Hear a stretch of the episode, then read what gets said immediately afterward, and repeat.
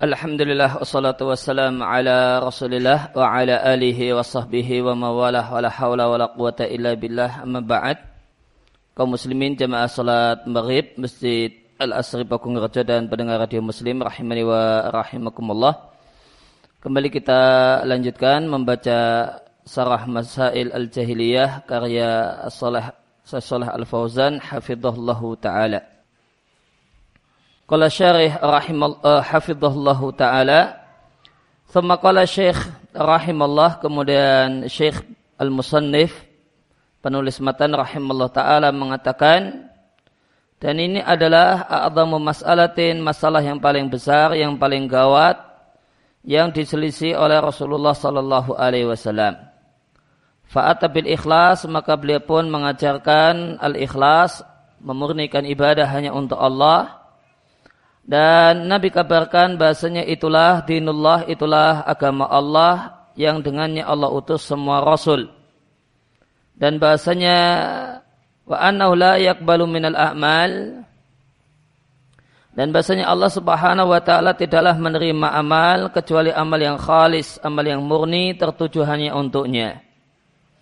Dan Allah uh, Dan Allah kabarkan bahasanya siapa yang melakukan apa yang dianggap baik oleh banyak orang, ya, apa yang dianggap baik oleh orang jahiliyah yaitu kemusyrikan, maka Allah haramkan surga untuknya dan tempat kembalinya adalah neraka. Wahadihi al masalah dan masalah ini adalah masalah yang manusia ya, terkotak-kotak karenanya antara muslim dan kafir. Wa ingdaha dan karena masalah inilah maka terjadilah permusuhan. Dan karenanya disyariatkanlah jihad. Sebagaimana firman Allah Ta'ala di surat Al-Anfal ayat yang ke-39. Waqatiluhum. Dan perangilah mereka yang tentu hal ini disyariatkan dengan syarat dan ketentuan yang berlaku. Hatta la takuna fitnatun sehingga tidak ada fitnah yaitu kemusyrikan fitnah di sini adalah kemusyrikan karena kebalikan dari fitnah wa lillah. Dan ibadah itu hanya untuk Allah. Din di sini maknanya ibadah. Nah, apakah Allah Azza wa Jal itu memerlukan ayu ja'ala dijadikan antara dia dengan hambanya wasitah perantara? Apakah Allah memerlukan perantara? Maka Allah uh, Jalla wa'ala adalah zat yang dekat, zat yang mujib, mengabulkan doa, mendengar dan melihat, wayarham dan menyayangi, menerima taubat hamba-hambanya. Dan Allah tidaklah memerintahkan kita untuk memiliki wasa'id, perantara dalam doa. Bahkan Allah subhanahu wa ta'ala memerintahkan kita untuk berdoa kepada Allah secara langsung Sebagaimana firman Allah Ta'ala di surat Ghafir alias surat Al-Mu'min ayat yang ke-14. Fada'ullaha mukhlisina lahudina. Maka berdoalah kepada Allah dengan memurnikan doa dan ibadah hanya kepadanya. Wa qala rabbukum dan Rabb kalian berfirman, Berdoalah kalian kepadaku niscaya akan aku kabulkan. Aku akan menjawab doa kalian. Sesungguhnya orang-orang yang sombong untuk beribadah kepadaku, maka mereka akan masuk neraka dakhirin dalam keadaan hina. Demikian di surat Ghafir alias surat Al-Mu'min ayat yang ke-60. Maka Allah memerintahkan kita untuk berdoa kepadanya secara langsung dan tidak memerintahkan kepada kita untuk memiliki perantara antara kita dengan Allah Subhanahu wa taala. Maka berdasarkan penjelasan ini demikian juga sejumlah ayat yang uh, tadi dibawakan oleh pensarah maka berdoa kepada Allah secara langsung itulah yang al-afdal.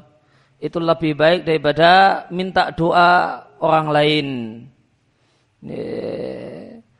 Itu lebih afdal daripada minta doa kepada orang lain meskipun itu orang saleh yang masih hidup itu lebih afdal berdoa sendiri.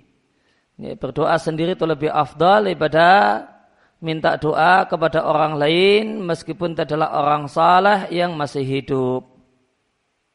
Ya, karena tadi disampaikan amar amaranallahu bidu'aihi mubasyaratan. Karena Allah Subhanahu wa taala memerintahkan kita untuk berdoa kepadanya secara langsung, nggak pakai minta-minta tolong kepada orang lain agar mendoakan kita. Maka berdoa secara langsung kepada Allah itu lebih afdal daripada minta doa meskipun kepada orang salah yang masih hidup. Karena itulah yang diperintahkan oleh Allah Subhanahu wa taala dalam banyak ayat di antaranya adalah udauni astajib lakum. Berdoalah kalian kepadaku niscaya akan aku kabulkan. Fada'ullaha. Berdoalah langsung kepada Allah Subhanahu wa taala. Allah tidak perintahkan ya, mintakanlah doa kepada orang saleh, mintalah pada orang saleh agar orang saleh tersebut berdoa kepada Allah mendoakanmu kepada Allah Subhanahu wa taala. Namanya Allah katakan udauni. Doalah langsung padaku. Maka diri yang penuh dengan lumuran dosa itu bukan alasan untuk ah, saya tak minta doa orang soleh saja ya, agar beliau yang berdoa kalau saya ya, apa ya pantas penuh diri penuh dosa ini langsung berdoa kepada Allah Subhanahu wa taala. Itu bukan alasan. Bahkan itulah yang Allah perintahkan langsung berdoa kepadanya tanpa minta doa kepada meskipun kepada orang saleh yang masih hidup. Wahadi a'zamu mas'alatin maka inilah adalah masalah yang paling besar yang Rasulullah Sallallahu Alaihi Wasallam menyelisih orang jahiliyah di dalamnya yaitu masalah kemusyrikan. Karena karena beliau Sallallahu Alaihi Wasallam ya, lama tatkala Allah Subhanahu wa taala mengutusnya dan mengutusnya kepada manusia dan adalah Nabi Shallallahu alaihi wasallam bersabda dan mengatakan kepada orang-orang Arab ya qulu la ilaha illallah tuflihu. Katakanlah la ilaha illallah niscaya kalian akan menjadi manusia-manusia yang beruntung. Diat Imam Ahmad dalam Musnad Ibnu Hibban dalam sahihnya At-Tabarani dalam Al-Mu'jam Al-Kabir, Darqutni dalam As-Sunan, Baihaqi dalam Dalil Nubuwah, Al-Hakim dalam Mustadrak, Al-Hakim mengatakan hada hadisun sahihul isnadi walam yukhijahu. Ini adalah hadis yang sahih sanatnya. Maka inilah yang Nabi katakan, Nabi tawarkan kepada para penduduk Mekah, Kulu la ilaha illallah tuflihu. Ucapkanlah la ilaha illallah maka kalian akan menjadi manusia-manusia yang beruntung. Dan yang namanya muflih, yang namanya al-falah adalah mendapatkan apa yang diinginkan dan terhindar dari apa yang dikhawatirkan. Dan semua orang menginginkannya. Dan semua orang mengharapkannya. Apa yang dicita-citakan itu terwujud dan apa yang dikhawatirkan terhindar. Itulah al-falah dan itulah al-muflih orang yang beruntung. Kata Nabi, jika Anda ingin menjadi seorang muflih, seorang yang beruntung, maka kuncinya katakanlah la ilaha illallah. Dia adalah kunci dari segala bentuk keberuntungan bagi manusia.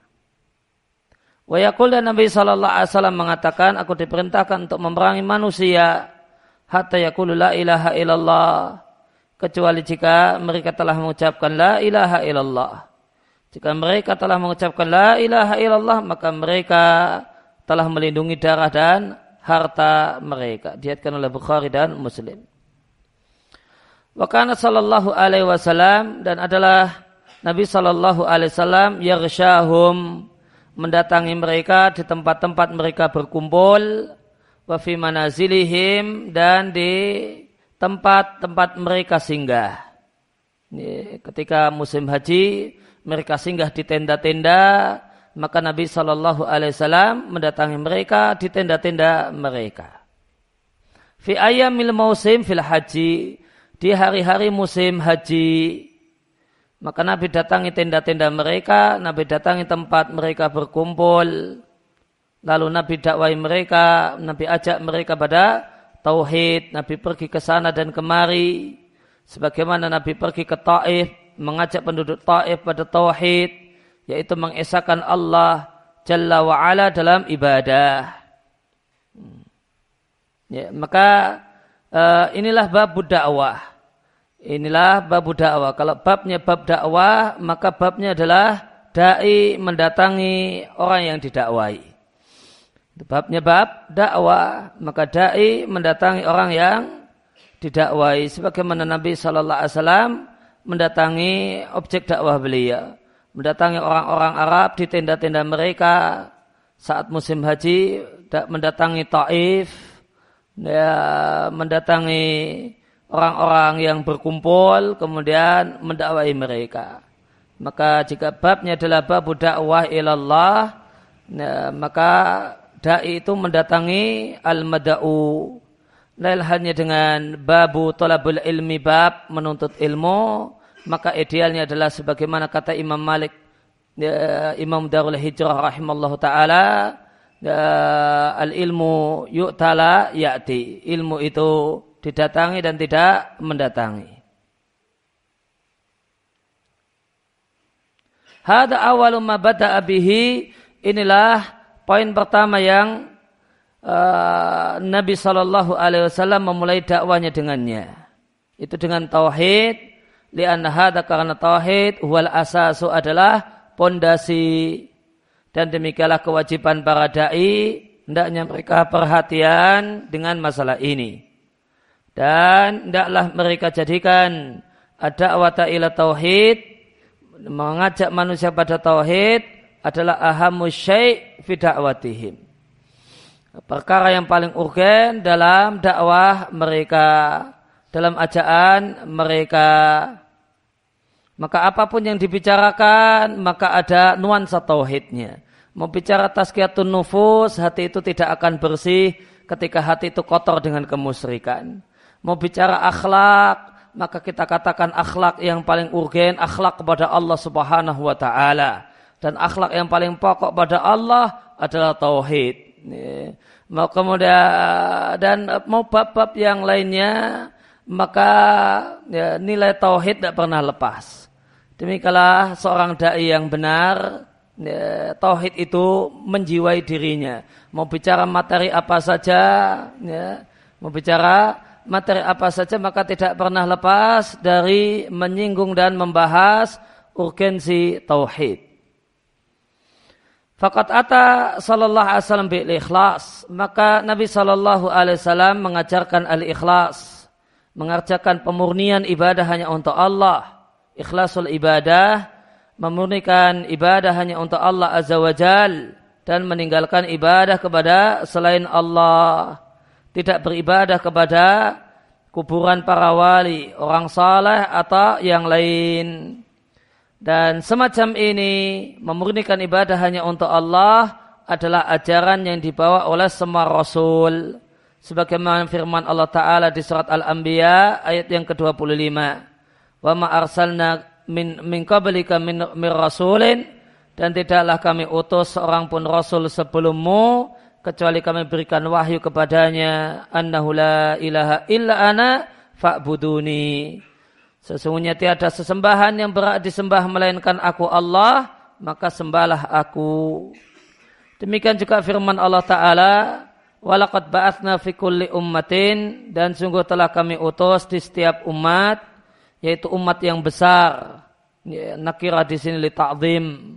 Ya, dan tidaklah kami utus dalam satu kelompok manusia yang besar, jumlahnya rasulan kecuali kami utus seorang rasul yang mendakwai umatnya dengan mengatakan anik butullaha wajtani butarut sembahlah Allah subhanahu wa ta'ala dan jauhilah tarut yaitu jauhlah kemusyrikan. Tarut dalam ayat ini didefinisikan oleh Sa'ib Sa'di di tafsirnya dengan mengatakan kullu ma yunafit tauhid minasyirki wa ghairihi Segala sesuatu yang bertelak belakang dan membatalkan tauhid dan merusak tauhid, bentuknya kemusyrikan, kekafiran, kemunafikan atau yang lain. Fahada wa manhajur rusul. Inilah jalan para rasul alaihi wassalatu wassalam. Ya, mengajak manusia untuk beribadah kepada Allah dan meninggalkan ibadah kepada selain Allah. Dan perbaikan-perbaikan yang lain, baqiyah, akan datang tabaan lidalika mengikuti hal tersebut, mengikuti perbaikan masalah akidah. Wallah Jalla wa ala dan Allah Jalla wa ala layak balu minal a'mal. Allah tidaklah menerima amal ila makana khalisan liwajhihi kecuali amal yang murni semata-mata mengharap wajahnya tidak mengandung kemusyrikan. Demikian juga labuta tidak boleh tidak amal itu harus sesuai dengan apa yang Allah subhanahu wa ta'ala syariatkan. Maka Allah tidaklah menerima amal alladhi fihi bid'atun yang mengandung bid'ah sebagaimana Allah tidaklah menerima amal yang mengandung kemusyrikan. Berkaitan dengan perkataan beliau, Allah tidaklah menerima amal yang mengandung bid'ah, maka ya, fihi tafsil, perlu rincian. Tidak semua amal yang mengandung bid'ah, maka kemudian amal tersebut uh, tertolak. Ada kemudian orang sholat, kemudian tercampur padanya uh, bid'ah, ya boleh jadi bid'ah usolli, kemudian sholatnya uh, hapus semua, tidak demikian. Namun fihi tafsil perlu rincian. Rinciannya adalah dengan kita melihat bid'ahnya apakah bid'ah hakikiyah ataukah bid'ah idofiyah. Jika e, maka amal yang statusnya bid'ah, amal yang tidak dituntunkan dan tidak diajarkan, ya, maka dilihat apakah itu adalah bid'ah hakikiyah ataukah bid'ah idofiyah. Ya. Jika bid'ah tersebut, amal tersebut adalah murni mengada-ada, maka amal tersebut seluruhnya tertolak. Ya. Murni mengada-ada, maka seluruhnya tertolak. Ada orang yang bikin puasa yang murni mengada-ada, ya, puasa mutih atau puasa uh, netu atau kemudian yang lain yang murni sama sekali tidak diajarkan oleh Nabi Shallallahu Alaihi Wasallam maka seluruhnya tertolak. Ya, maka seluruhnya tertolak. Atau orang bikin uh, salat uh, fardu yang keenam, ya, Ya, jam tertentu dia bikin uh, salat fardu yang keenam maka seluruhnya tertolak ikhlasnya tidak ada gunanya ikhlas dan tulus lillahi ta'ala dalam membuat dan me menemukan uh, amal tersebut tidak ada gunanya dan tidak ada faedahnya kemudian uh, lain, uh, kemudian yang kedua, jika amal tersebut bukanlah amal yang murni mengada-ada, ya, bukan 100% mengada-ada, maka nanti dirinci dengan dua rincian. Apakah bid'ah tersebut ya, mengubah hayah al-ibadah ataukah tidak? Maka jika unsur bid'ah tersebut, ini cuma unsur karena dia tidak seluruhnya mengada-ada. Jika unsur uh, bid'ah tersebut mengubah hayatul ibadah, mengubah bentuk ibadah, maka ibadah tersebut seluruhnya tertolak dan sia-sia. Seorang kemudian bikin bid'ah, ya, sholat duhur lima rakaat. Ya, sholat duhur lima rakaat. Bukan karena lupa, namun sengaja. Ya, ya, karena sholat duhur yang ya, yang bagus menurut dia untuk saat ini ya, di zaman ini lima rakaat nggak cukup dengan empat rakaat. maka seorang yang uh, bikin sholat duhur lima rakaat maka tentu duhurnya sebenarnya tidak bid'ah. Dia kemudian uh, dia tambahkan unsur yaitu rakaat yang kelima dan dia jadikan unsur tersebut sebagai tambahan dalam uh, dalam ibadahnya namun dengan itu maka hayah ibadah rusak. Maka bentuk ibadah itu rusak. Bukan demikian bentuk sholat duhur yang Nabi ajarkan. Ya, ada sholat duhur uh, lima rakaat yang Nabi ajarkan. Sholat duhur yang Nabi ajarkan uh, empat rakaat. Ya, maka karena kemasukan rokaat yang kelima dengan sengaja semacam ini, maka jadinya sholat duhur seluruhnya itu tertolak. Ya, seluruhnya tertolak. Kemudian yang kedua, jika unsur bid'ah tersebut tidak mengubah hayatul ibadah. Tidak mengubah bentuk dan tampilan performan ibadah yang Nabi ajarkan. Maka hanya unsur bid'ahnya saja yang tertolak, adapun amal yang lain tidak tertolak. Maka misalnya kita katakan bahasanya uh, bahasanya di, di antara hal yang tidak Nabi tuntunkan adalah melafalkan niat. Maka melafalkan niat dalam sholat duhur ya, itu tidak mengubah bentuk ya, bentuk global dari ibadah sholat duhur. Performannya tetap seperti itu, empat rakaat dan seterusnya. Cuma ada tambahan ya, ya melafalkan niat yang tidak Nabi tuntunkan. Maka ya, maka dalam kondisi ini yang tertolak adalah amal yang mengada-ada tersebut. Ya, melafalkan niatnya saja yang tertolak. Adapun sholat dua empat rakaatnya maka jika telah jika terpenuhi syarat rukunnya ya, dan dipenuhi dengan ke, maka itu menjadi adalah amal yang diterima oleh Allah Subhanahu wa taala dan amal yang berpahala tentu jika ditambahkan dengan ikhlas semata-mata mengharap wajahnya. Oleh karena itu maka perkataan penulis wallahu yakbalul al amal alladhi fihi bid'aton maka ini kurang tepat yang uh, yang tepat perlu rincian kalau itu adalah sekedar fihi bid'aton kalau amal tersebut adalah amal yang murni bid'ah 100% mengada-ada, maka itu tertolak.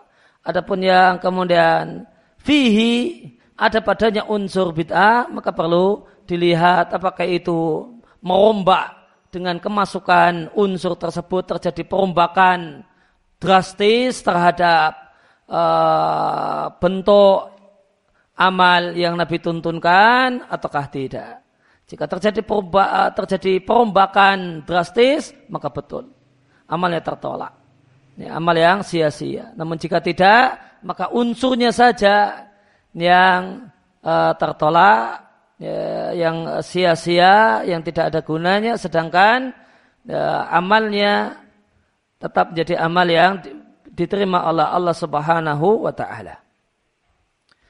Kalau Ta'ala Allah Ta'ala berfirman, "Faman kana rabbih," maka siapa yang berjumpa berharap berjumpa dengan Rabbnya dengan perjumpaan yang istimewa.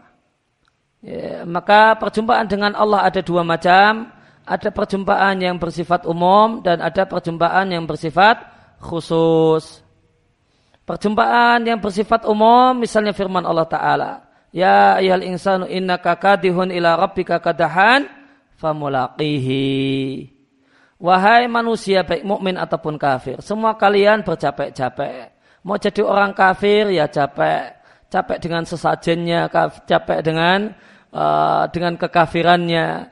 Mau jadi orang yang beriman pergi ke masjid capek, sholat ya susah, ya. puasa Ramadan juga susah, pergi haji keluar duit banyak dan seterusnya. Ya, mau mau pakai jalan kafir itu ya susah. Tidak ada yang tidak susah. Kan? Tidak ada yang tidak susah. Nah, acara sesaji ya keluar duitnya juga banyak. Kan? Apalagi kemudian tiap hari harus sesaji, nah itu juga keluar duit terus. Ya. Maka juga capek, apalagi sesajinya harus di puncak gunung, ya kan. Ya, sesajinya harus di puncak gunung, ada tempat tertentu juga harus eh, capek. Ya. Maka mau jalan kekafiran, jalan kemusyrikan, jalan tauhid, tidak ada yang tidak capek. Tidak ya, ada yang tidak capek di dunia ini. Ya ayal insanu inna kakadihun ila rabbika. Sesungguhnya semua kalian bercapek-capek. Semua kalian bersusah payah. Mau jadi ahli maksiat itu juga capek. Joget itu kemeringat ini ya. Joget itu kemeringat. Ya. Berzina itu juga ngos-ngosan. Ya, mau kemudian mau jalan mau jalan maksiat itu capek keluar duit. Mau jalan taat juga ya, capek. Ya, capek, keluar duit, keluar tenaga. Ya. Mau jalan apa pun yang diambil oleh manusia di hidupnya di dunia ini, semuanya capek. Ya, maka Allah katakan ya ayal insanu inaka kadihun ila rabbika. Semua kalian capek. Semua kalian bercapek-capek. Yang kafir bercapek-capek, yang musyrik juga bercapek-capek, yang maksiat juga capek, yang taat juga capek. Yeah. Kadiun ila rabbika kadahan. Dan itu betul-betul capek. Famulaqihi lalu kalian mati dan semua kalian berjumpa dengan Allah subhanahu wa ta'ala. Tidak ada orang yang tidak berjumpa dengan Allah subhanahu wa ta'ala. Maka itu ya, liqa'ullah al-am perjumpaan dengan uh, perjumpaan pada Allah Subhanahu wa taala yang bersifat umum yang dirasakan oleh semua orang syaratnya mati. Ya, syaratnya mati. Mau kafir mau mukmin mau taat mau alil maksiat semuanya berjumpa dengan Allah Subhanahu wa taala asalkan syaratnya terpenuhi yaitu mati. Kemudian yang kedua liqaullah ada liqaullah al khas perjumpaan kepada Allah Subhanahu wa taala yang bersifat khusus yaitu berjumpa dengan Allah Subhanahu wa taala dan mendapatkan keistimewaan dan dapatkan sambutan yang istimewa dari Allah Subhanahu wa taala. Berjumpa dengan Allah dan mendapatkan rahmatnya, mendapatkan ampunannya, mendapatkan ridhonya. Maka ini perjumpaan khusus yang tidak sembarang orang dan semua orang mendapatkannya. Dan inilah yang dimaksudkan di surat Al-Kahfi ayat yang ke-110. Kalau mau cuma liko al-am, maka cuma syaratnya mati saja. Mau musyrik, mau mukmin itu ya, mati berjumpa dengan Allah. Adapun yang bersyarat berat sebagaimana di di sini Al-Kahfi ayat 110, maka itu liko al-liqa al-khas, perjumpaan yang bersifat khusus. Maka ada syaratnya. Ya, ada syaratnya karena ketika berjumpa dengan Allah dia dapatkan ridha Allah Subhanahu wa taala. Faman yarjulika arabihi maka siapa yang ber, uh, berharap berjumpa dengan Rabbnya itu perjumpaan khas. Perjumpaan yang istimewa, perjumpaan yang khusus, maka ada syaratnya. Faliyakmal amalan salihah, maka adalah dia melakukan amal yang saleh, amal yang sesuai dengan apa yang Nabi tuntunkan, apa yang Allah ajarkan. Wala yusyrik bi ibadati rabbi ahada, dan ketika dia beribadah kepada Rabbnya maka dialah dia tidaklah dia sekutu, sekutukan Allah dengan lainnya. Wa qala ta'ala dan Allah Ta'ala berfirman wa'budullaha wa la tusyriku bihi syai'a. Sembahlah Allah Subhanahu wa taala dan janganlah kalian sekutukan Allah dengan sesuatu apa pun. Maka tidak cukup dengan sembahlah Allah. Tidak cukup dengan sembahlah Allah. Namun harus dilanjutkan dengan jangan sekutukan Allah dengan sesuatu apa pun. Tinggalkan kemusyrikan. Tidak hanya mari sholat, ya, mari puasa Ramadan, maka itu tidak cukup dan tidak ada gunanya, tidak ada faedahnya. Jika tidak dilanjutkan dengan poin selanjutnya, wala syai'a. Jangan sekutukan Allah dengan sesuatu apa pun. Tinggalkan kemusyrikan dengan berbagai macam bentuknya. Maka sebagaimana kata beliau, kata pensara. Maka lihat ayat ini, surat An-Nisa ayat yang ke-36. Lam yaqtasir Allah tidak cukupkan dengan perintah kepada perintah untuk beribadah kepada Allah. Bunyi ayatnya bukan wa'budullah titik di situ. Namun itu masih koma. Balnah anisyirki. Namun dilanjutkan dengan melarang kemusyrikan. Kenapa? Ya, harus kemudian sepaket dan tidak cukup dengan beribadah kepada Allah. Karena beribadah kepada Allah tidak akan diterima jika mengandung kemusyrikan. Bahkan kafir kepada Tauhid meninggalkan kemusyrikan itu lebih didahulukan daripada beriman kepada Allah. Sebagaimana firman Allah di surat Al-Baqarah ayat yang ke-256, Siapa yang kafir dengan tauhid, meninggalkan berbagai macam bentuk kemusyrikan, lantas beriman kepada Allah, maka itulah orang yang berpegang teguh dengan tali yang kuat. Yang dimaksud dengan ulwatul uthqa adalah la ilaha illallah. Lan fisamalaha yang tidak akan, tali tersebut tidak akan pernah putus. Wahada wa makna la ilaha illallah. Inilah makna la ilaha illallah. Wa'budullaha wa la tusyriku bi syai'a itu makna la ilaha illallah. Ya, wa, uh, wala tusyriku bi syai'a itu sama dengan la ilaha. Wa'budullaha itu sama dengan illallah. Maka la ilaha illallah terdiri dari min nafyin wal ithbat. terdiri dari negasi dan dan ikrar yaitu negasi dan meniadakan segala bentuk kemusyrikan dan mengikrarkan tauhid dan menetapkan tauhid. Maka dengan mengucapkan la ilaha maka maka itu membatalkan segala sesembahan yang disembah selain Allah. Dan illallah itu menetapkan ibadah hanya untuk Allah semata. Maka Allah Subhanahu wa taala tidaklah menerima amal kecuali yang murni semata-mata mengharap wajahnya. Dan Allah tidaklah menerima amal yang mengandung bid'ah dan menyelisihi jalan Rasul sallallahu alaihi wasallam. Ya. Sebagaimana sabda Nabi sallallahu alaihi wasallam, "Man amila amalan laisa ali amruna fawaraddun." Barang siapa yang melakukan amal yang tidak yaitu amal ibadah yang tidak kami ajar yang tidak kami ajarkan laisa ali amruna yang tidak kami ajarkan fawaraddun maka itu adalah amal yang tertolak. Dalam riwayat yang lain man ada safi amrina hadza ma laisa minhu fawaraddun siapa yang mengada-ada dalam perkara kami ini dalam syariat ini sesuatu yang bukan bagian darinya maka itu adalah amal yang tertolak. Maka dari dua redaksi hadis tentang bahaya amal yang mengada-ada, maka redaksi yang pertama kali disebutkan itu lebih luas daripada redaksi yang kedua. Karena kalau kemudian berdasarkan redaksi yang kedua man ahdasa siapa yang mengada-ada ya, maka boleh jadi ada orang yang beralasan, ada orang yang ngeles dengan mengatakan saya nggak mengada-ada kok itu sudah ada tinggal saya teruskan. Nah, tiga, saya teruskan, saya cuma teruskan, nggak mengada-ada. Nah, itu sudah ada kemarin, kemarin-kemarin, bapak saya juga sudah pernah melakukannya. Nah, maka saya tinggal melestarikannya, saya tidak mengada-ada. Maka orang bisa kemudian ngeles kalau pakai hadis man ahda safi amrina hada. Siapa yang mengada-ada? Saya tidak mengada-ada. Itu sudah ada. Bahkan sudah tersebar. Saya cuma ya, mempertahankannya dan uh, melestarikannya. Lain hanya dengan redaksi yang pertama, man amila amalan. Maka siapa yang melakukan amal yang tidak ada tuntunannya, baik dia yang mengadakannya ataupun orang lain yang mengadakannya.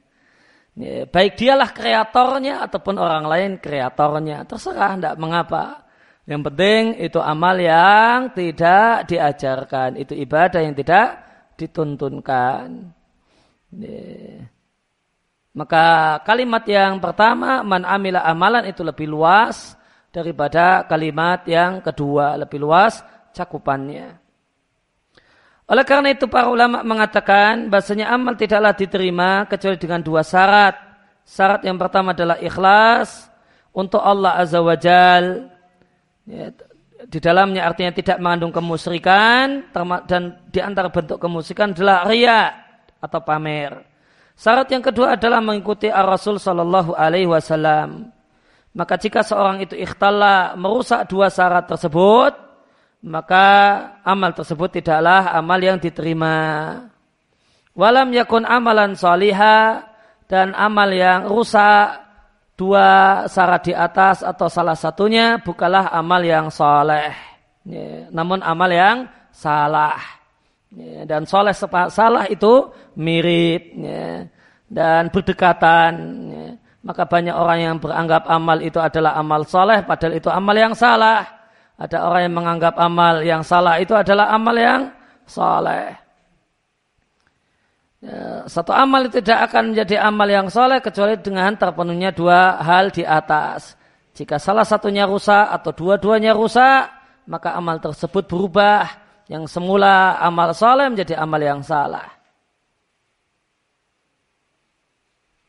Wa akhbara jalla wa ala dan Allah jalla wa ala mengkabarkan bahasanya siapa saja yang menyembah apa yang dianggap baik oleh banyak orang untuk jadikan sesembahan minal asnam berupa patung ataukah kubur wali, pohon, batu dan kubur dan tidaklah kembali dalam masalah ibadah kepada kitabullah dan sunnah Rasulnya Sallallahu Alaihi Wasallam, namun mengandalkan al-istihsan, mengandalkan anggapan baik, dan apa yang dicocoki oleh hawa nafsu, meskipun itu berseberangan dengan Alkitab Sunnah, maka Allah kabarkan, maka Allah Jalla wa'ala kabarkan, bahasanya Allah haramkan surga untuknya dan tempat kembalinya adalah neraka sebagaimana firman Allah Ta'ala melalui lisan Nabi Isa alaihissalatu wassalam.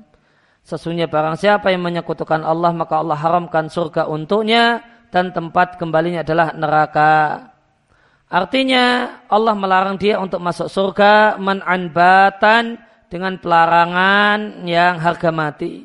Dengan pelarangan yang sama sekali dan haram dalam bahasa Arab artinya al-mana' melarang. Maka orang yang musyrik itu terlarang untuk masuk surga sama sekali. Tidak ada harapan bagi orang musyrik untuk masuk surga. Karena tempat kembalinya adalah neraka. Inilah akibat dari perbuatan menyekutukan Allah Azza wa Jal. Meskipun mereka mengatakan kami tidaklah menyembah mereka kecuali supaya mereka mendekatkan kami kepada Allah sedekat-dekatnya. Maka mereka-mereka jika mereka mati dalam keadaan musyrik dan belum bertobat, maka Allah haramkan surga untuknya. Dan Allah jadikan neraka tempat kembalinya abadal abad selama-lamanya. Maka siapa yang menginginkan keselamatan untuk dirinya, hendaklah dia perhatikan hal ini. Danlah hendaklah dia janganlah dia pertahankan perkara jahiliyah baik dalam masalah ini ataupun masalah yang lain. Maka di sini kita jumpai faedah bahasanya kemusyrikan adalah dosa yang tidak terampuni. Itu maksudnya adalah bagi yang dibawa mati. maka kemusyrikan adalah dosa yang tidak terampuni jika dibawa mati. Adapun jika sebelum matinya telah sungguh-sungguh bertobat kepada Allah Subhanahu wa taala, maka Allah mengampuni semua dosa yang orangnya dan pelakunya telah bertobat darinya. Maka perkataan penulis rahimallahu taala wa hadhil mas'alah yallati tafarqa an-nasu li ajliha baina muslimin wa kafirin. Ini adalah permasalahan yang manusia terkotak-kotak karenanya. Ada kemudian muslim, ada kafir. Yang dimaksud dengan masalah adalah masalah tauhid dan kemusyrikan. Maka ada sekelompok orang yang membenarkan Rasul Sallallahu Alaihi Wasallam dan beriman dengan Rasul lalu memurnikan ibadah hanya untuk Allah Azza wa Jal, itulah orang yang beriman. Sekelompok lagi menyelisih Rasul, bertahan dengan kemusyrikan mereka dan ibadah mereka, dan apa yang disembah oleh nenek moyang mereka sebelumnya. Sebagaimana keadaan para umat-umat kafir yang menentang para Rasul. Karena mereka ingin untuk al-baqa mempertahankan warisan nenek moyang mereka Sebagaimana firman Allah Ta'ala, demikianlah tidaklah kami utus uh, tidaklah kami utus min qablika sebelummu. Fi qaryatin min nadhirin min nadhirin seorang rasul pun di satu qaryah di satu kampung illa qala illa qala mutrafuha.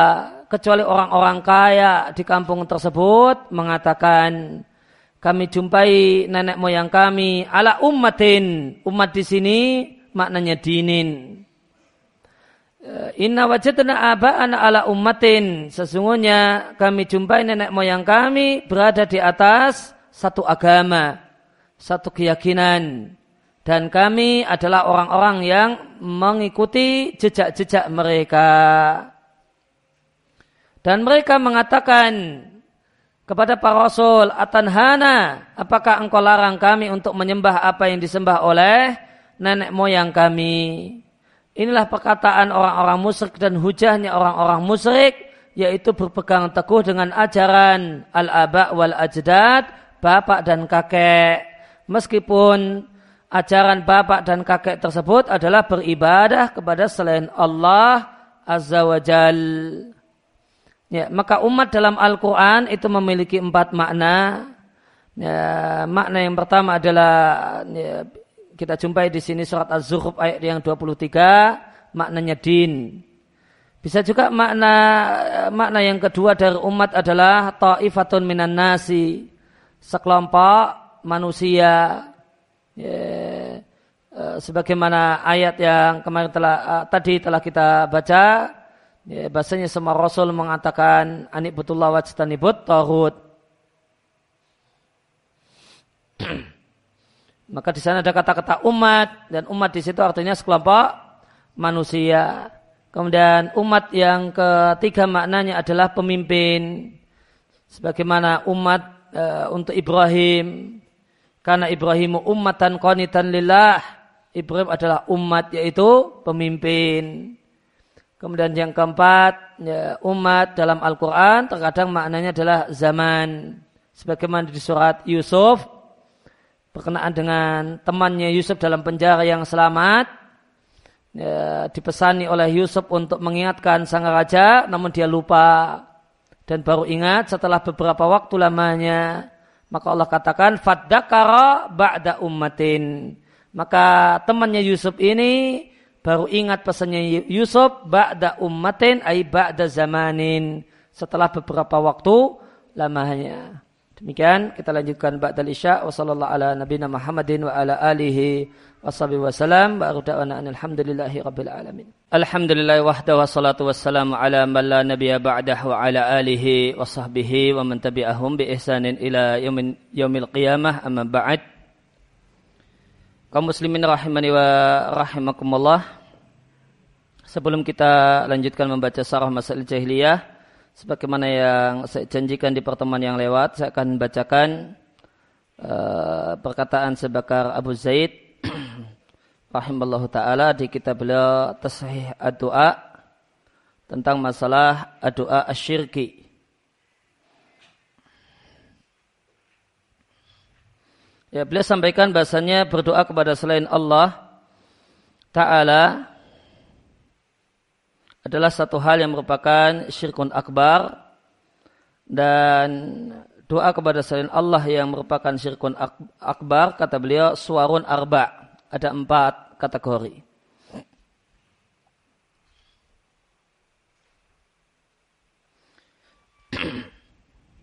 Ya, maka doa kepada selain Allah yang merupakan uh, kemusyrikan itu ada empat macam. As-suratul ula macam yang pertama su'alu hayyin limayitin au jamadin. Ada manusia yang hidup minta-minta kepada mayit atau benda mati.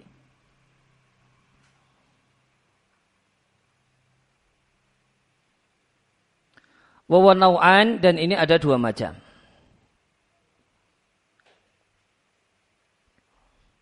Yang pertama adalah e, soalu hayyin limayitin.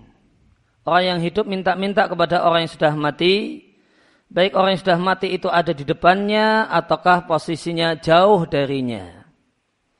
Dan dia berdoa kepadanya dan istirosah minta dihilangkan susah kepadanya.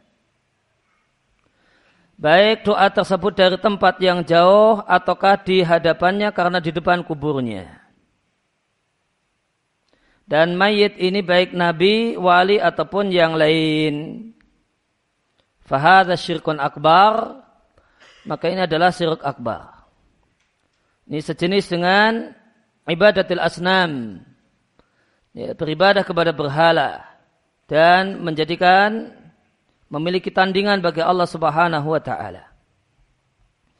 Karena orang tersebut berdoa kepada selain Allah dan bergantung hatinya kepada selain Allah dan dia istighosa berdoa untuk supaya dihilangkan kesusahan kepada selain Allah. Dan istighosa adalah ibadah. Dan tidak ada yang bisa menghilangkan kesusahan alal itlaq secara mutlak illallah taala kecuali Allah taala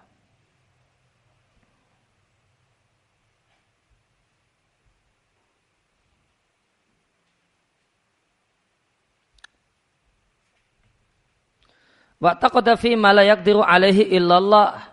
Dan orang yang berdoa kepada Allah semacam ini, dia tentu berkeyakinan ya, pada mayit tersebut satu hal yang tidak bisa diwujudkan kecuali Allah. Dan dalam kondisi ini jika berdoa dan minta-minta kepada orang yang dah mati tersebut mimbu'din min kubrihi dari tempat yang jauh dari kuburnya, maka kemusyrikannya tambah lagi. Indofa ila dalika, maka di samping syirik akbar karena rububiyah, karena uluhiyah, maka ter, uh, maka tertambahkan padanya i'tiqaduhu fil mad'u ilmal ghaib. Maka berarti dia punya i'tiqad bahasanya orang yang dia mintai mayit yang uh, posisinya mayat yang posisinya jauh dari tempatnya tersebut mengetahui hal yang gaib. Maka ada syirkun fil asma was sifat.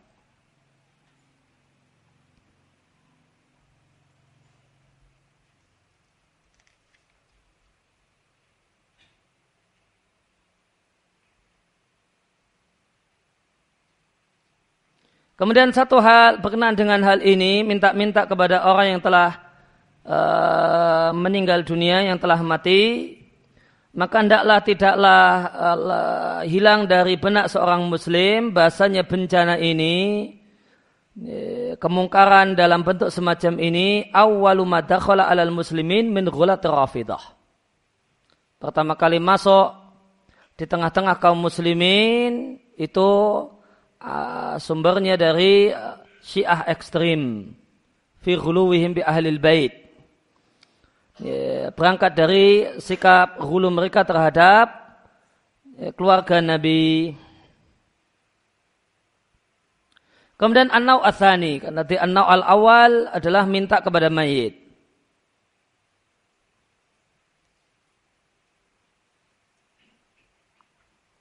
Yeah. Orang yang hidup, nau al al awal adalah orang yang hidup minta-minta kepada mayit. Baik mayit tersebut makam uh, di hadapannya ataukah jauh darinya.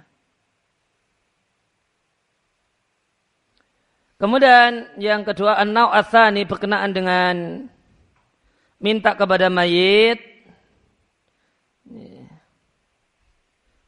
Nau asani adalah Soalu hayin uh, soalu hayin limayitin bi ayyadallaha lahu. Orang yang hidup minta kepada mayit agar mayit berdoa kepada Allah untuk si hidup. Maka kalau an-naw al-awwal yang merupakan syirkun akbar adalah uh, doa minta-minta kepada mayit. Berdoa minta-minta kepada mayit. Kalau ini adalah minta didoakan oleh mayit. Terjemah bebasnya, minta didoakan oleh mayit.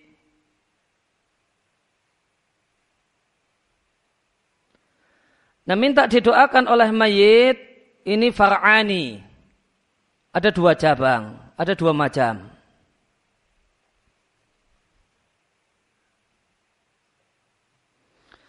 Ya, cabang yang pertama soalu hayyin limayitin wa wa ghaibun an qabrihi. Orang yang hidup minta didoakan oleh mayit dalam posisi si hidup ini jauh dari kuburnya mayit. Kuburnya ada di Demak sana, orangnya nah, di Jogja. Minta supaya didoakan.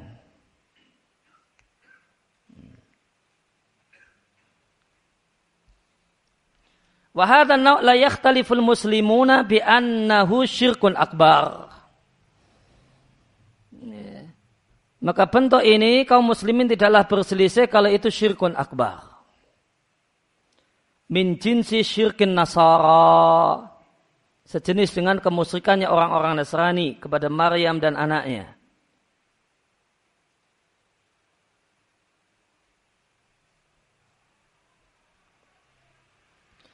Kemudian al-fara' al athani, cabang yang kedua atau rincian yang kedua tentang minta didoakan oleh mayit. Ya, minta didoakan oleh mayit adalah soalu hayyin limayitin bihadrati kubrihi. Orang yang hidup minta-minta kepada orang yang sudah mati bihadrati kubrihi di depan kuburnya minta supaya didoakan oleh mayit. Minta kepada si mayit di depan kuburnya bi ayyadaullaha lahu supaya mayit berdoa minta kepada Allah untuk kepentingan orang yang di dekat kubur tersebut. Contoh redaksi kalimatnya ya fulan ud'ullaha li bikada au kada. Wahai fulan ya, wahai mbah kiai, tembah wali, berdoalah kepada Allah untukku demikian demikian agar cepat lunas utangku, agar cepat lulus ujianku dan seterusnya. Atau redak, contoh redaksinya as'aluka Allah li bikada wa kada. Aku minta kepadamu agar engkau doa, berdoa kepada Allah untukku. Agar engkau doakan aku kepada Allah. Demikian dan demikian. Maka perbuatan dan redaksi uh, Kalimat semacam ini la yakhtaliful muslimuna bi annaha wisatatun bid'iyatun.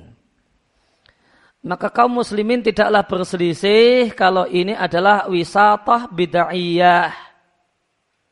Kalau ini bid'ahnya tidak diperselisihkan. Ini satu hal yang bid'ah tanpa diperselisihkan oleh kaum muslimin.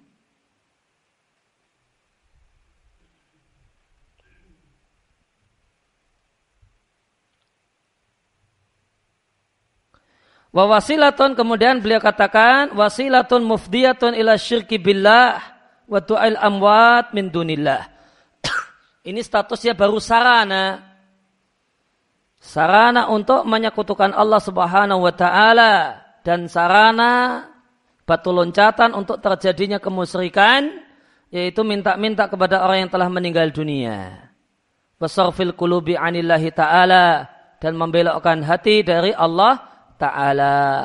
Maka saya bakar Abu Zaid menilai bahasanya ini belum syirkun akbar. Ini bid'ahnya disepakati. Nah apakah ini eh, dan syirkunnya diperselisihkan. Ya. Kemusyrikannya diperselisihkan dan yang dipilih oleh Sebakar Abu Zaid ini adalah sarana yang mengantarkan kepada kemusyrikan dan belum kemusyrikan dan sarana menuju kemusyrikan dan belum kemusyrikan.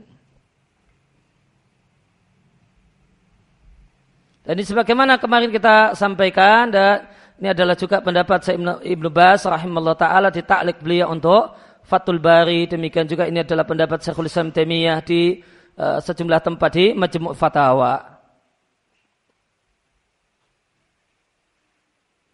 Lakin hadha nau yakunu syirkan akbar akan tapi minta didoakan mayat model ini itu bisa menjadi syirkun akbar dengan syarat fi hali idza arada da'i min sahibil kabir syafa'ah. Ketika orang yang berdoa itu memiliki keyakinan syafaat syirkiyah. Ya, min sahibi kabri asyafa'ata wil wil syatah asyirkiyah. Ya, ketika kemudian diiringi dengan keyakinan ya, syafaat syirkiyah yang telah kita jelaskan di pertemuan yang lewat.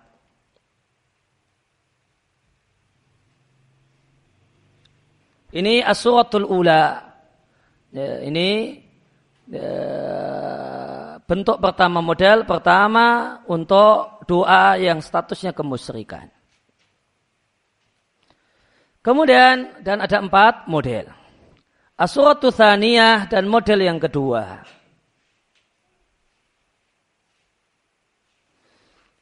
Adalah soalu hayyin li hayyin.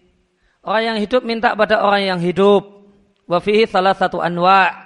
Ada tiga nau, ada tiga macam.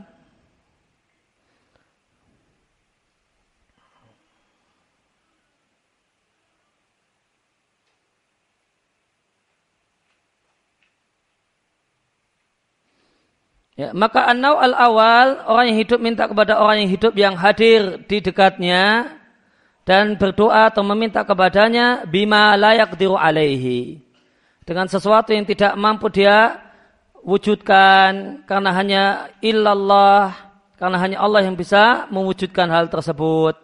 Minta rezeki misalnya, disembuhkannya orang yang sakit, dipulangkannya orang yang ya, pergi entah ke mana, dihilangkannya kesusahan. Fahada du'a'u ibadatin wa mas'alatin laikdu alaiha basyarun ma. Maka ini adalah permohonan dan ibadah yang tidak ada manusia yang bisa mewujudkannya maka dibelokkan kepada selain Allah ini adalah syirkun syirkan akbar adalah syirik besar. Lain halnya jika meminta sesuatu yang dalam batas kemampuan manusia, dalam batas-batas sebab-sebab yang wajar.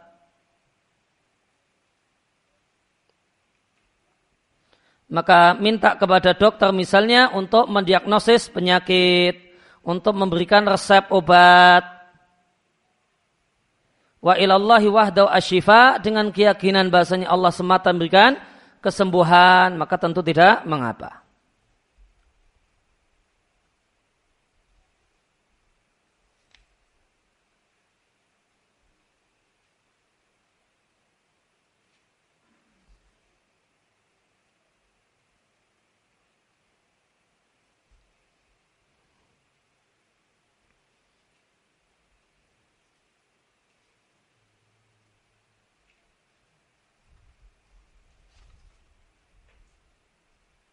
Ya, kemudian an-nau atsani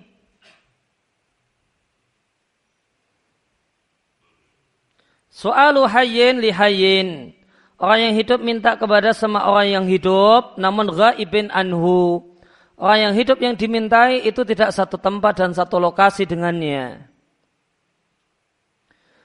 Dan makhluk hidup yang dimintai ini boleh jadi manusia, malaikat, ataupun jin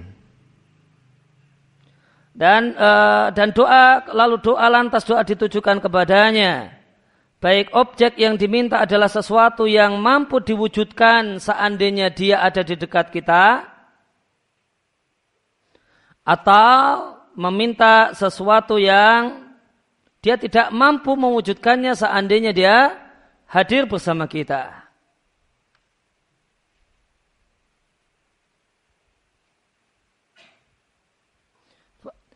Ya, fahada itidaun fid doa wa syirkun akbar kasabiqihi. Maka ini ada syirkun akbar. Ya, maka tidak dilihat apa yang diminta. Maka dia punya kemudian guru, guru spiritual, ya. guru spiritualnya di Semarang, orangnya di Jogja. Kemudian minta kepadanya ya, tanpa kemudian alat komunikasi. Bukan telepon, bukan ini, Ya, namun dia sekedar nyebut nama. Nah, kemudian menyebutkan permintaan. Maka ini syirkun akbar. Baik yang dimintakan adalah sesuatu yang seandainya dia ada di dekat kita, dia bisa membantunya. Apalagi jika sesuatu yang dimintakan adalah sesuatu yang di luar kemampuannya sekalipun seandainya dia bersama kita.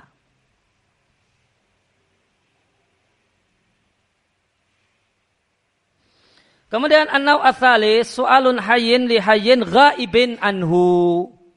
Orang yang hidup minta kepada orang yang makhluk juga hidup namun gaib. Yaitu tidak satu lokasi dengan kita. Kita minta kepadanya supaya dia berdoa kepada Allah untuk kita. Maka ini minta didoakan oleh orang yang tidak satu lokasi dan cara mintanya tidak pakai telepon dan yang lain. Nah, sekedar bisik-bisik. Ya. Padahal orangnya di lokasi yang berbeda. Minta didoakan, bukan minta kepadanya namun minta didoakan. Dia punya guru spiritual, dia panggil mbah, ya, mbah tolong doakan aku. Ya. Ini saya sedang ujian. Ya Ya, doakan aku supaya lancar jawab ujian. Padahal yang dimintai hidup, masih hidup, lain tempat, lain lokasi, ya, dan tidak pakai telepon, tidak pakai ini, cuma sekedar membisikkan ungkapan permintaan. Fahada inama yaqa min khulaqit turqiyah. Ini terjadi akarnya adalah dari ya, Turkiyah ya, dari orang-orang tarekat yang ekstrim terhadap guru mereka. Fa, uh,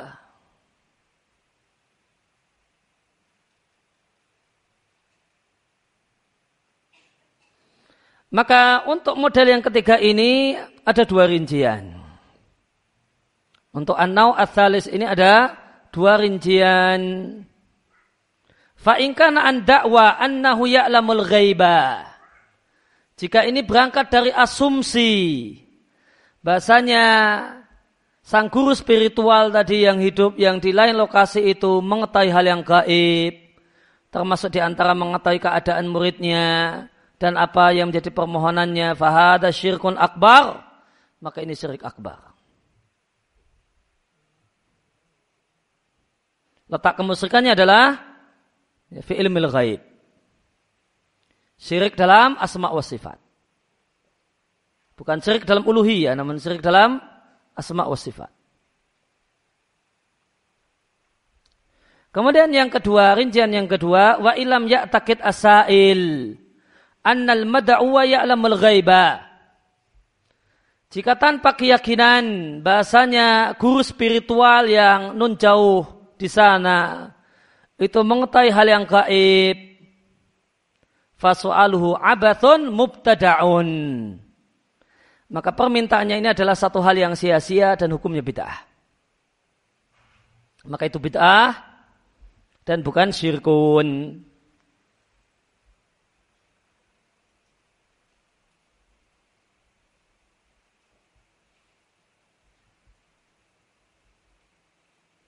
Kemudian asuratu salithah. Kemudian model yang ketiga. Soalul jinni mutlakan. Adalah minta-minta kepada jin.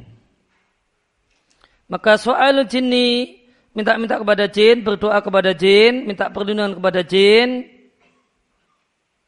Wal isti'anatu bihim dan minta tolong kepada jin, kullu hadha syirkun. Ini semua adalah kemusyrikan.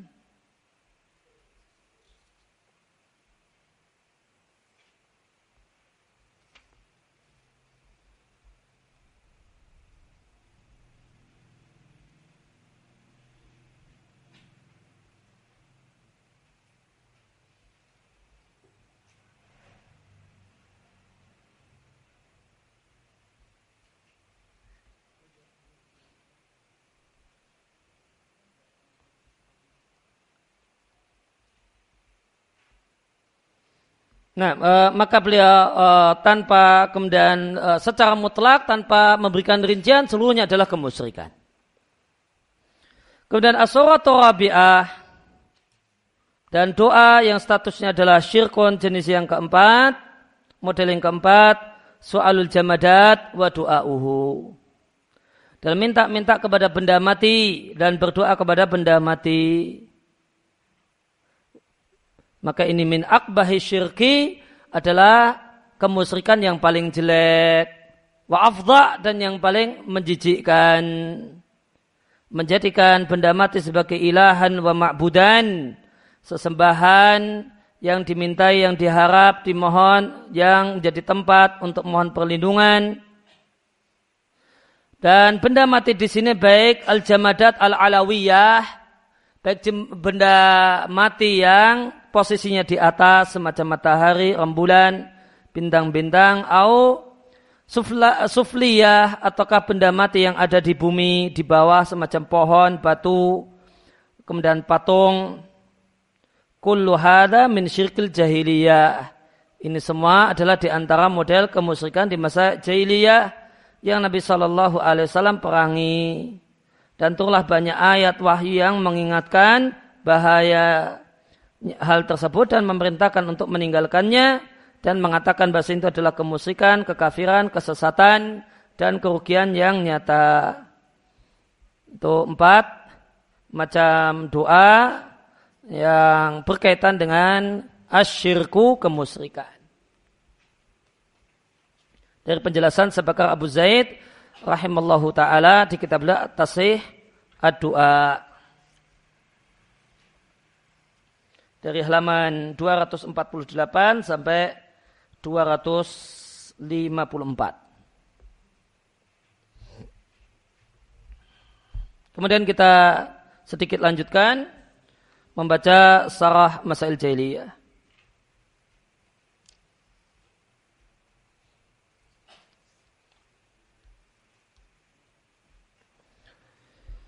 Kalau syari rahimahullah hafizallahu taala wa qauluhu dan perkataan ya, musannif rahimallah wa indaha waqa'atil adawah dan pada saat itulah terjadilah dan karena masalah ini terjadilah permusuhan yaitu antara orang yang bertauhid dan orang musyrik, antara orang yang beriman dan orang kafir. Maka senyawa wajib atas orang yang beriman untuk memberikan permusuhan kepada orang kafir. Tidaklah boleh mencintai orang kafir meskipun dia adalah manusia yang paling dekat dengan dirinya.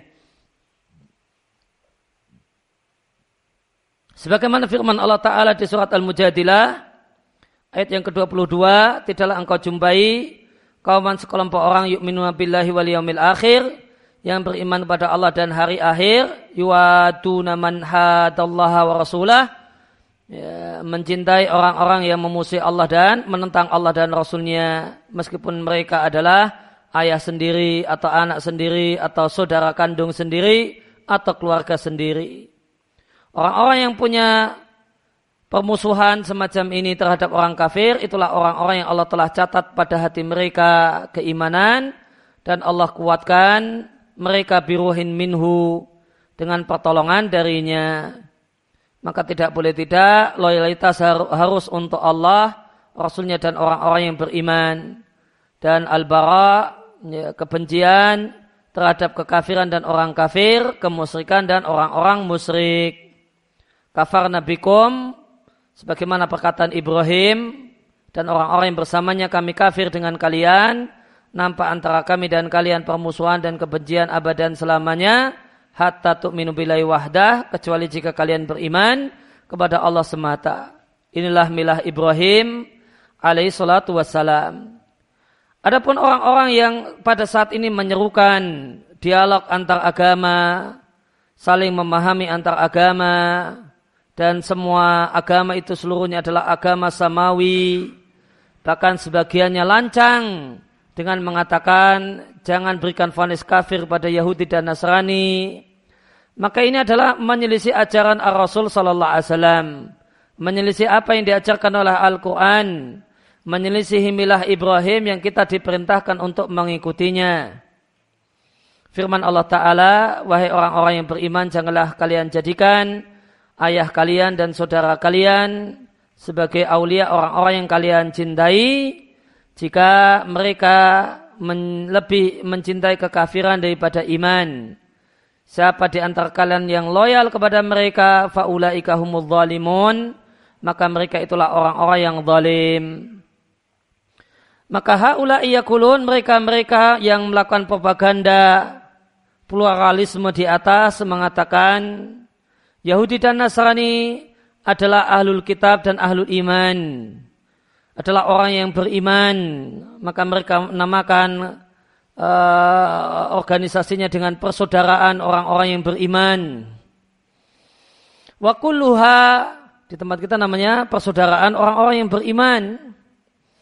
Namun uh, dan isinya adalah Yahudi, Nasra, uh, adalah isinya Nasrani, kemudian Islam, Hindu, Buddha. Wakuluha dan semuanya kata mereka adalah agama dari sisi Allah. Hendaklah kita saling memahami di antara kita kemudian saling tolong menolong. Janganlah kalian fonis kafir orang Yahudi dan Nasrani. Maka dakwah propaganda uh, semacam ini al-an di zaman ini saat ini qaimatun tegak yaitu ada. Dan propaganda model semacam ini adalah qada'un ala adalah membinasakan wala wal bara' antara mukmin dan kafir. Karena orang yang beriman berkeyakinan semua yang tidak beriman dengan Rasul Muhammad sallallahu alaihi wasallam maka dia kafir baik ahli kitab ataupun bukan ahli kitab. Karena setelah diutusnya Rasul sallallahu alaihi wasallam tidak boleh bagi siapa pun kecuali beriman kepada Muhammad sallallahu alaihi wasallam. Maka siapa yang tidak beriman dengan Rasul Muhammad sallallahu alaihi wasallam maka dia kafir. Yahudi dan Nasrani yang tidak beriman dengan Rasul Muhammad sallallahu alaihi wasallam maka mereka adalah orang kafir. Dalilnya adalah hadis Nabi yang diatkan oleh Imam Muslim. Walladhi nafsu Muhammadin biyadihi. Demi Allah zat yang jiwa Muhammad di tangannya. Tidaklah mendengarku seorang pun dari umat ini. Umat di sini adalah umat dakwah. Umat dalam hadis ini adalah umat dakwah. Maka tidak ada seorang pun dari umat ini yaitu semua manusia. Ya, tidaklah ada seorang pun dari mereka yang mendengarku baik Yahudi ataupun Nasrani kemudian mati dan tidak beriman dengan apa yang ajaran yang aku diutus dengan membawanya kecuali dia akan menjadi penghuni neraka. Maka setelah diutusnya Nabi Shallallahu Alaihi Wasallam maka tidak boleh bagi siapa pun untuk keluar dari agamanya Nabi. Sampai-sampai Nabi Sallallahu Nabi alaihi salatu wasallam mengatakan demi Allah seandainya saudaraku Musa hidup maka dia tidaklah boleh kecuali mengikutiku. Ya, maka di sini kita jumpai dari apa yang baru saja kita baca bahasanya masuk Islam dan menjadi umat Islam adalah sebuah kewajiban. Wajib bagi semua manusia untuk masuk Islam. Wajib bagi semua manusia untuk beriman dengan Muhammad Sallallahu Alaihi Wasallam. Namun bukan berarti kemudian kita diperintahkan untuk mengalungkan celurit ke leher-leher manusia agar mereka masuk Islam. Maka bedakan dua hal. Ini. Wajibkah manusia untuk beriman dengan Muhammad Sallallahu Alaihi Wasallam? Jawabannya wajib. Apakah ada kebebasan beragama dalam artian kebebasan memilih agama? Jawabannya tidak ada. Tidak ada kebebasan beragama, kebebasan memilih agama. Semua manusia wajib memilih Islam. Semua manusia wajib memilih ya, ajaran Muhammad Sallallahu Alaihi Wasallam. Tidak boleh yang lain. Siapa yang memilih yang lain maka dia melakukan yang haram dan meninggalkan kewajiban dan nerakalah tempat tinggalnya selama lamanya. Maka tidak ada kewajiban, maka tidak ada kebebasan memilih agama. Ini. Namun maka ini Poin pertama, bedakan dengan apakah kita, apakah manusia perlu dipaksa untuk masuk Islam? Jawabannya tidak perlu. Hmm. Jawabannya tidak perlu. Bedakan dua hal di atas. Apakah ada kebebasan memilih agama? Jawabannya tidak ada. Tidak ada kebebasan memilih agama. Semua manusia wajib memilih Islam. Jika tidak, maka Allah akan murka dan memasukkannya ke dalam neraka. Namun, apakah dan perlu manusia itu dipaksa untuk masuk Islam? Jawabannya tidak. La ikraha Ya, kita perlu kemudian memaksa orang meng, mengalungkan ya, celurit ke leher-leher manusia untuk masuk Islam. Maka setelah diutusnya Nabi Shallallahu Alaihi Wasallam tidak ada agama yang benar selain Islam, yaitu Islam yang dibawa oleh Muhammad Shallallahu Alaihi Wasallam. Sebagaimana firman Allah siapa yang mencari selain Islam sebagai agama tidak akan diterima dan dia di akhirat termasuk orang yang merugi. Maka tentang ajaran pluralisme dengan berbagai macam namanya, maka ini adalah dakwah batilah. Yang tukot laha diadakan untuk memperba, untuk mela, me, me, kemudian mengembangkan dakwah ini, ajaran ini saat ini diadakan berbagai macam muktamar, seminar, dan dibelanjakan untuknya. Amwalun banyak harta lidakwah untuk propaganda dengan nama mendekatkan di antara agama. Yang mereka namai dengan nama dialog antar agama. Subhanallah hiwarun baina iman wa kufur. Apakah mau ada dialog antara iman dan kekafiran? Antara apakah mau didialogkan antara kemusyrikan dan tauhid Apakah mau ada dialog antara orang yang memusuhi Allah dan mencintai Allah? Kemudian Syekh Musanif rahimahullah ta'ala mengatakan, dan karena ini maka disyariatkanlah jihad, sebagaimana firman Allah ta'ala, dan perintah mereka sehingga tidak ada fitnah yaitu kemusyrikan, dan ibadah itu seluruhnya hanya untuk Allah. Maka menjadi kewajiban kita terhadap orang kafir ada empat, ada tiga poin. Yang pertama adalah memusuhi mereka, ada punya perasaan e, tidak suka dengan mereka dan meyakini mereka sebagai musuh karena mereka adalah musuh-musuh Allah Subhanahu wa taala dan musuh Rasulnya sallallahu alaihi wasallam. Namun uh, keadaan hati ini tidaklah menghalangi untuk melakukan poin yang kedua, yaitu mendakwahi mereka pada iman dan mengikuti Rasul Muhammad Sallallahu Alaihi Wasallam. Dan ini adalah satu perkara yang menjadi kewajiban kaum muslimin. Dan poin yang ketiga, berjihad memerangi mereka. Jika mereka telah diajak kepada Islam dan enggan, maka ada kewajiban untuk berjihad memerangi mereka dan memerangi mereka tentu dengan syarat dan ketentuan yang berlaku. Sebagaimana firman Allah Ta'ala di surat Al-Anfal. Fal marhala akhirah maka tahapan yang terakhir bersama orang kafir adalah peperangan. Ya, di antara syaratnya jika kaum muslimin punya kemampuan untuk melakukan peperangan. Sebagaimana firman Allah taala di surat At-Taubah maka bunuhlah orang-orang musyrik di mana saja kalian menjumpai mereka tangkap mereka kepung mereka dan duduklah untuk mengintai mereka di semua tempat pengintaian. Wahadil ayat dalam ayat ini terdapat penjelasan hikmah dari jihad dalam Islam yaitu untuk menghilangkan kemusyrikan sehingga tidak ada fitnah dan yang dimaksud dengan fitnah dalam ayat ini adalah kemusyrikan. Sehingga arti ayat yaitu di surat Al-Anfal sehingga tidaklah dijumpai kemusyrikan dan ibadah seluruhnya untuk Allah. Inilah maksud dari jihad.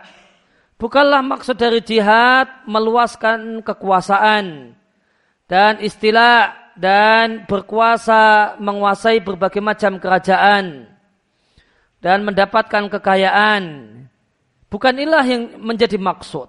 Yang menjadi maksud adalah meninggikan agama Allah Azza wa Jal, menghilangkan kemusikan dari muka bumi, dan inilah yang menjadi maksud. Demikian juga bukanlah yang menjadi maksud jihad dalam Islam semata-mata membela diri.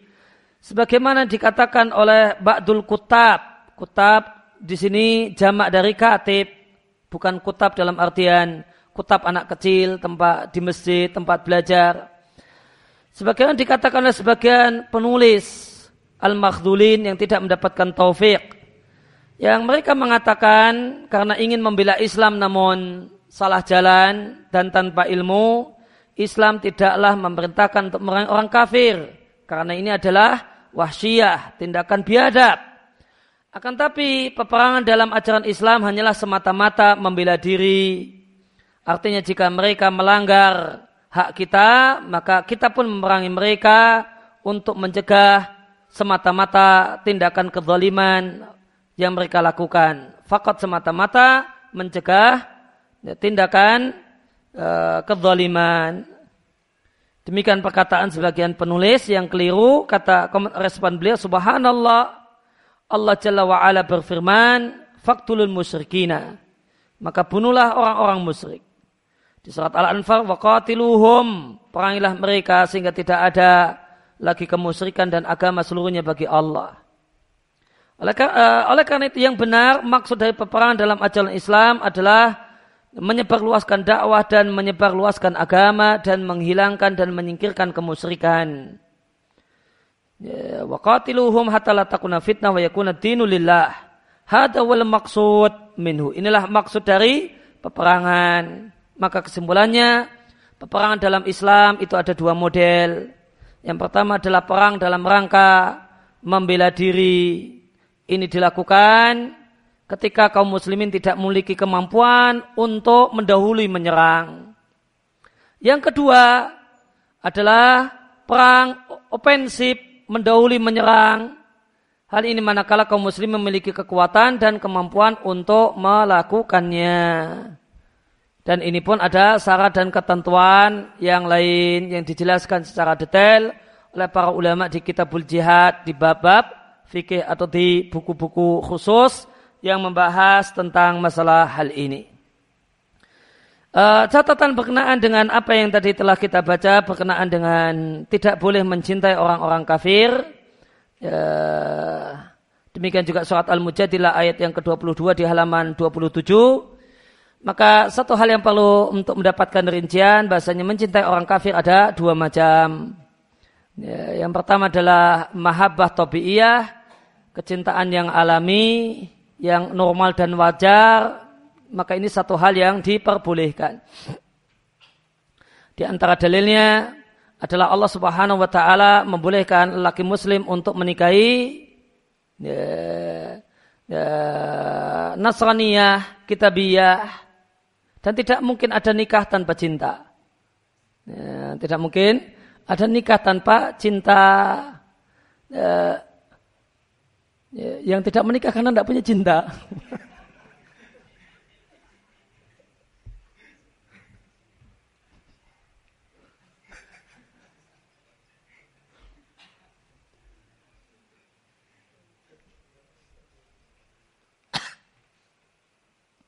Ya. Jadi uh, maka Allah bolehkan untuk menikahi kitabiyah. Dan ini tidak mungkin kecuali ada cinta. Maka ini dalil. Namun cintanya adalah cinta laki-laki dengan perempuan. Dan itu mahabbah tobi'iyah. Maka ini dalil bolehnya mahabbah tobi'iyah dengan orang kafir. Dalil yang lain ya, adalah firman Allah Ta'ala Inna kala tahdi man ahbabta. Walakin Allah yahdi mayyasha.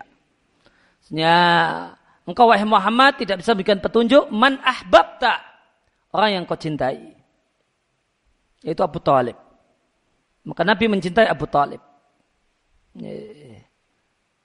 Nabi mencintai Abu Talib. Menunjukkan adanya adanya cinta dengan uh, dengan orang kafir dalam hal ini kerabat karena semata-mata kerabat. Ini mahabbah tabi'iyah dan ini satu hal yang diperbolehkan.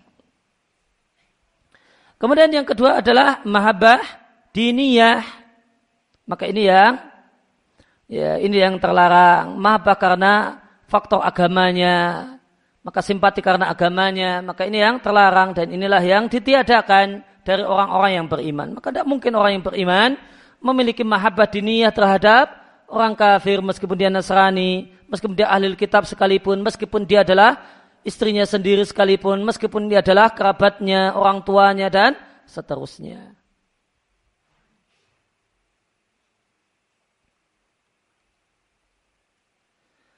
Dan kalau untuk surat Al-Mujadilah ayat yang ke-22, kalau saya Nuthaimin, beliau punya uh, penjelasan yang khas sebagaimana yang beliau sampaikan di uh, Fatah Dzil Jalal wal Ikram di Kitabul Janais.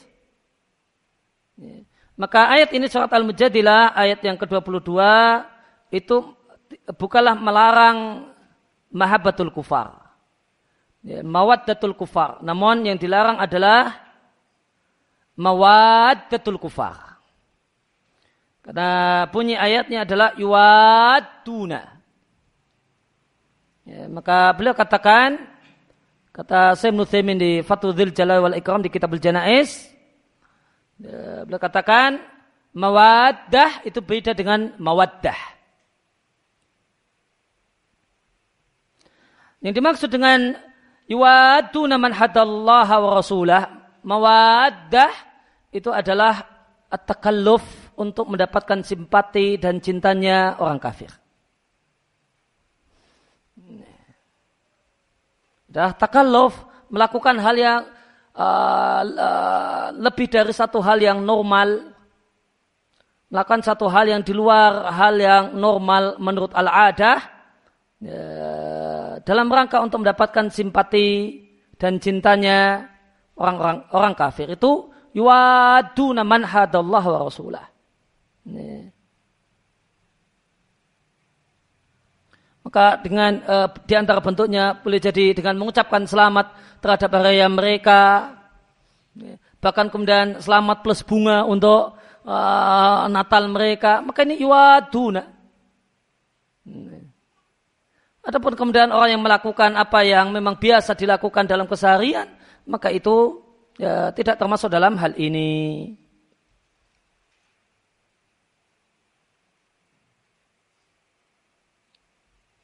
Ya, demikian yang kita baca kesempatan malam hari ini. Allah ma'alim nama yang fa'una fa'na bima 'allamtana wa zidna ilma wa sallallahu ala nabina Muhammadin wa ala alihi wa sahbihi salam wa alhamdulillahi rabbil alamin.